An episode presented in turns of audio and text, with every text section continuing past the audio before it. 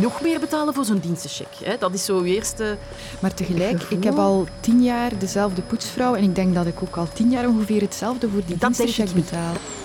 Betalen we te weinig voor onze huishoudhulp? From tomorrow morning, we have one of the very important activities of the G20 at this G20 summit. Ik kan mij zelfs in de verte verte niet voorstellen wat dat die aan het doen zijn. Worden daar afspraken gemaakt? Wat voor een club is de G20? Zelfs in de Overpoort staan er nu zo grote plakaten waar ze op staan nee is nee, enkel ja is oké. In mijn Dus studententijd, dat bestond dat- niet. nee. Dat is echt zo bijna een, een basisfatsoen Ja, ja, dat we verloren Alsof zijn. dat die niet weten wat oké is en wat niet zo. En moeten studenten oefenen op fatsoenlijk gedrag? Daar sluit ik het kwartier voor deze week mee af. Ik ben Sophie van der Donkt. Welkom. De fijnste dag voor mij om thuis te komen is als het huis gepoetst is. Dus ik ben eh, dankbaar dat ik een eh, poetshulp heb. Ja, dat is bij ons de maandag, ja.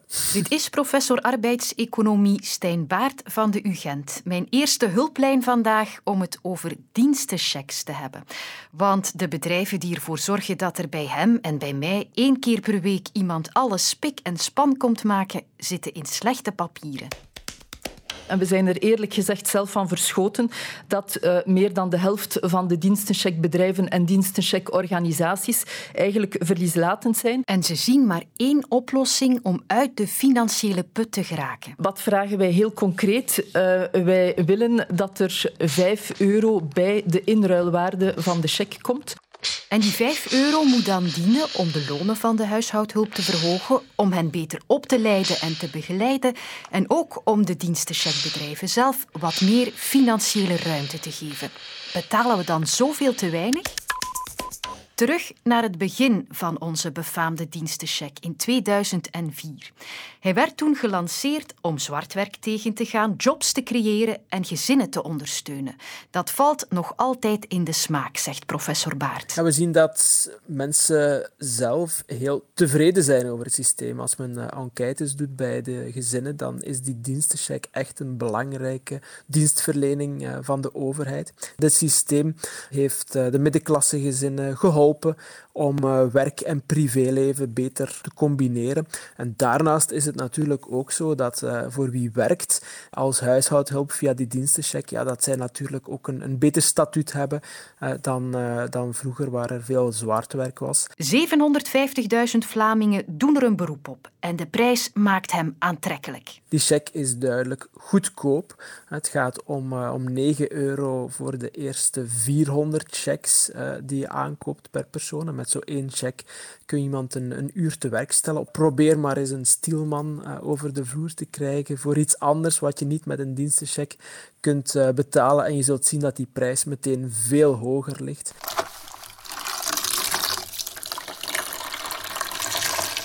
Voor dweilen en al de rest betalen we in Vlaanderen al 10 jaar maar 9 euro per uur. En daarbovenop kunnen we nog een bedrag van de belastingen aftrekken. Dat voordeel is wel een beetje verminderd. Maar uiteindelijk kost zo'n dienstencheck in werkelijkheid maar 7,20 euro.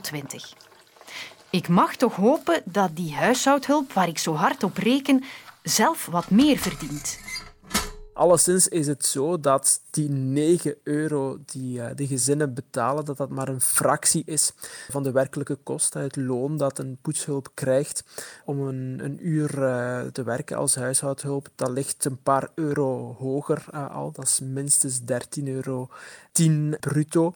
En daarnaast zijn er natuurlijk de kosten van de bedrijven die die mensen coördineren. Zij krijgen daar een 27 eh, euro eh, voor momenteel. Ja. Dus even herhalen. Mijn poetshulp verdient minstens 13,10 euro. Dat is dus zeker geen vetpot. Het dienstencheckbedrijf krijgt per gewerkt uur 27 euro, terwijl ik maar een goede 7 euro betaal. De overheid past dus rechtstreeks en via de belastingaftrek bijna 20 euro bij. Een enorme uitgave dus. Maar veel dienstencheckbedrijven krijgen het toch niet meer rond. Maar Vlaams minister van Economie Jo Broens wil op dit moment niet raken aan de prijs die we betalen voor onze dienstencheck en vanuit de overheid ook niet extra subsidiëren. Op dit ogenblik is het zo dat de politieke afspraak is dat we nu niets doen aan de prijs. Maar ik denk wel dat we eerlijk moeten durven zijn dat dit niet houdbaar is. Wat is dan een mogelijke oplossing? Uiteindelijk zal je altijd eh, terechtkomen bij een verhoging van de cheque die de gezinnen betalen. Je zou wel kunnen zeggen dat de overheid nog meer subsidies moet geven richting die dienstencheckbedrijven, maar er gaat al zo'n een groot bedrag naartoe dat dat een, een moeilijke piste is, ook gegeven de, de begrotingssituatie van, van onze overheden. Dus je komt automatisch bij de gezinnen aankloppen.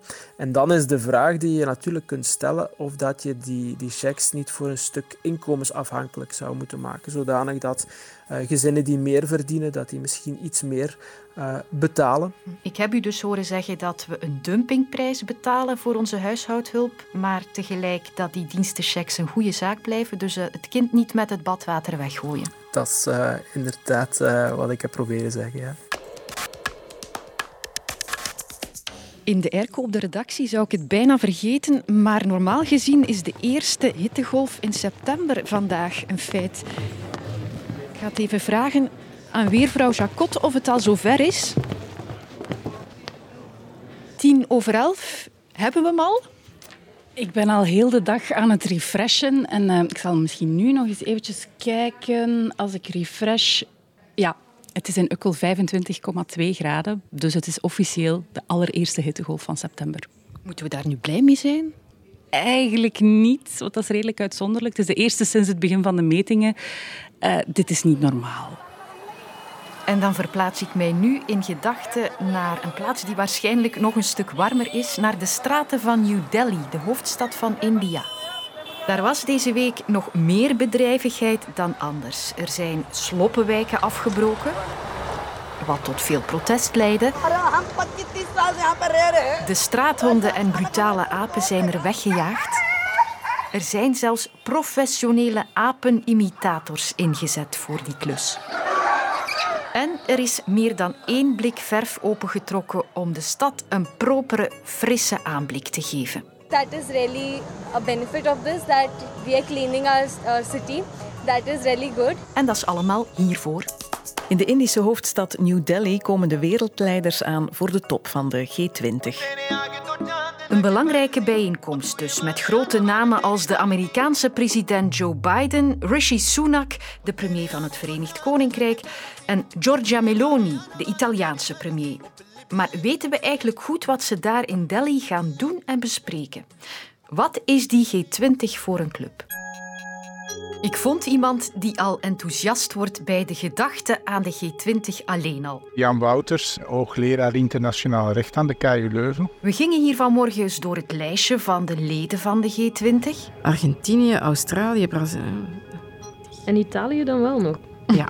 Vreemd. Ik zie Italië nu niet zo precies als een, een superrijk. Nee, nee, nee. Wat voor een random club is dat eigenlijk? en dus is mijn eerste vraag: is het echt zo'n willekeurige groep landen als wij denken? Dat is een club van landen die werden geselecteerd omdat zij een systemisch belang hebben voor de wereldeconomie. Dat zijn landen die dus economisch belangrijke actoren zijn. En wanneer er een economische of financiële crisis zou uitbreken in dat land, dan heeft dat waarschijnlijk onmiddellijke gevolgen voor de wereldeconomie. En dat is een beetje het voornaamste criterium waarom die landen, en het is inderdaad een heel uh, diverse club, lid zijn van de zogenaamde G20. Italië, moet u weten, is sowieso ook lid van de G7. Hè. En dus vooral Noord-Italië maakt natuurlijk dat Italië een industrieel-economische grootmacht is. Dus daar, daar is het wel degelijk verantwoord. Turkije is natuurlijk al een beetje een ander geval, maar er spelen ook enkele andere factoren. In die G20 heeft men ook enige inclusiviteit willen inbouwen. Dus bijvoorbeeld uh, het idee van landen met een grote moslimbevolking, zoals bijvoorbeeld Indonesië. Indonesië is ook lid van de G20. Oké, dat is al uitgeklaard, maar heeft zo'n G20-bijeenkomst dan ook echt iets te betekenen? Eerst en vooral, dat is inderdaad een groot spektakel, want India is dit jaar de voorzitter van de G20. Elk jaar is dat een ander land. En uh, die maken van zo'n top natuurlijk een echt uh, ja, prestige-evenement voor hen. Daarmee kunnen ze uitpakken. Dus dat is heel veel, laat ons zeggen, pump and circumstances, zegt men in het Engels. Dus heel veel uh, toch de nodige evenementen en publiciteit daarvoor. Inhoudelijk legt zo'n voorzitter zoals India ook een beetje zijn eigen accenten. Bijvoorbeeld India wil heel sterk opkomen voor de landen van het zuiden. wil met name ook dat landen in het zuiden meer financiering kunnen krijgen, bijvoorbeeld om de klimaattransitie aan te kunnen, enzovoort, enzovoort. Zeker toen het die zware financiële crisissen waren in 1999 en in 2008, heeft de G20 echt wel goed gefunctioneerd en hebben ze er eigenlijk voor gezorgd dat de internationale economie en het financiële systeem toen niet zijn ingestort. Want hadden ze dat niet gedaan, dan zou je iets meegemaakt hebben zoals er destijds is gebeurd aan het begin van de jaren 1930. Dat wil zeggen een totale instorting van de wereldeconomie. Dus de G20 heeft toen echt wel zijn nut bewezen. Nu, ondertussen zijn we in 2023, is de wereld ook fors veranderd en is er ook ja, een hele internationale instabiliteit, rivaliteit tussen de grootmachten zoals China en de VS. En daardoor is het veel moeilijker de dag van vandaag voor die G20 om echt, laat ons zeggen, echt belangrijke beslissingen te nemen. De 120 erkende studentenverenigingen van de Universiteit Gent kunnen vanaf vandaag een nieuwe eigen training krijgen rond grensoverschrijdend gedrag. Op maat van het studentenleven, zegt Sarah Vermeers van de UGent. Omdat studentenverenigingen toch wel een aantal kenmerken hebben die hun mogelijks wel wat kwetsbaarder maakt. Ik denk dat je, als je als student, 18 jaar, je komt binnen in een grote studentenstad, je wilt aansluiten bij een vereniging, dan bots je wel wat tegen mogelijke hiërarchische structuren van een vereniging.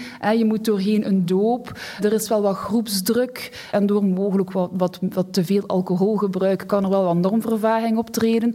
Er kan wel wat sprake zijn van favoritisme. Dus er zijn wel een aantal zaken die heel specifiek zijn aan studentenverenigingen, die we ook wel in die training aandacht hebben gegeven. Maar hoe gaat dat dan precies in zijn werk, zo'n training? Wij gingen al even luisteren.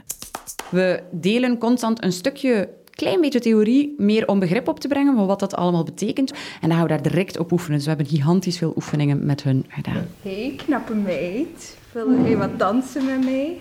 Uh, Allee, nee. kom, kom. Allee, nee, het is nee, gewoon nee, gezellig. Nee, nee, nee. Zeg, dat ga niet met mij om een pintje waarom, jij, uh, waarom doe je dat? Ja, um, waarom kom je niet tussen? Like, we waren gewoon aan het dansen. Ik vind dat niet oké. Okay. Maar dat wij dat zo, hoezo vind je dat niet oké? Okay? Wat doe ik daarmee? Heb je haar om toestemming gevraagd? Uh, voel je jou, ben je oké? Okay? Ik ben blij dat je er was. Van, uh, kan ik iemand toch even niet op mijn gemak. Kan ik iemand bellen voor jou? Of kom ik eventjes gewoon bij jou zijn? gewoon even bij mij. Oké, Saba, dan gaan we eventjes zitten, een beetje water drinken en dan... Een echte training, professioneel begeleid, om met foutgedrag te leren omgaan en niet zelf in de fout te gaan. Maar kun je daarop oefenen, op fatsoenlijk gedrag? Julia Day werkt bij Sensoa rond grensoverschrijdend gedrag en zij helpt mij verder. Een fatsoenlijk gedrag is natuurlijk iets heel ruim. Ik denk dat, dat bewust worden van waar de andere mensen hun wensen en grenzen liggen, dat dat zeker iets is waar je op kunt oefenen. En erbij stilstaan dat misschien mijn wensen en grenzen anders liggen hè, dan die van een andere persoon of van een andere student, een medestudent. Dus enerzijds kunnen we daar zeker wel op focussen van waar ligt de grens, hoe ervaren andere mensen zaken, om zo je eigen gedrag te gaan aanpassen. En anderzijds zien we heel veel ook uit bevragingen dat er heel veel nood is aan omstanders die tussenkomen. Hè? Want het zal niet altijd perfect lopen. Dat zal in de toekomst ook niet zijn, hoeveel dat we daar ook op oefenen. Maar als het dan misloopt, dan kunnen omstanders ook wel heel veel betekenen. En ook mensen in een machtspositie in een studentenclub bijvoorbeeld. Ook kunnen inspelen op situaties van grensoverschrijdend gedrag dus. En dat is volgens Julia waarom deze trainingen zo belangrijk zijn. We zien echt wel dat jongeren daar vragende partij voor zijn. We horen heel weinig jongeren die zeggen, maar dat is toch echt geen probleem. Of daar heb ik nog nooit van gehoord. Of dat heb ik nog nooit meegemaakt. We kennen allemaal wel iemand en zij kennen zeker allemaal wel iemand die het heeft meegemaakt. Uh, dat is veel meer de vraag, wat kunnen we daar nu aan doen en hoe kunnen we zelf iets betekenen? Dus hoe concreter dat we hun handvaten kunnen aanbieden om dat te doen, hoe beter. En die tips en tricks hebben de deelnemers duidelijk opgepikt. Hoe dat je de pleger van het gedrag kunt aanspreken en ook hoe dat je met het slachtoffer omgaat. We hebben bijvoorbeeld eh, geleerd om vooral te spreken vanuit de ik-vorm door te zeggen ik vind uw gedrag niet oké en niet gewoon te zeggen dat is niet oké, omdat dat nogal agressief kan overkomen.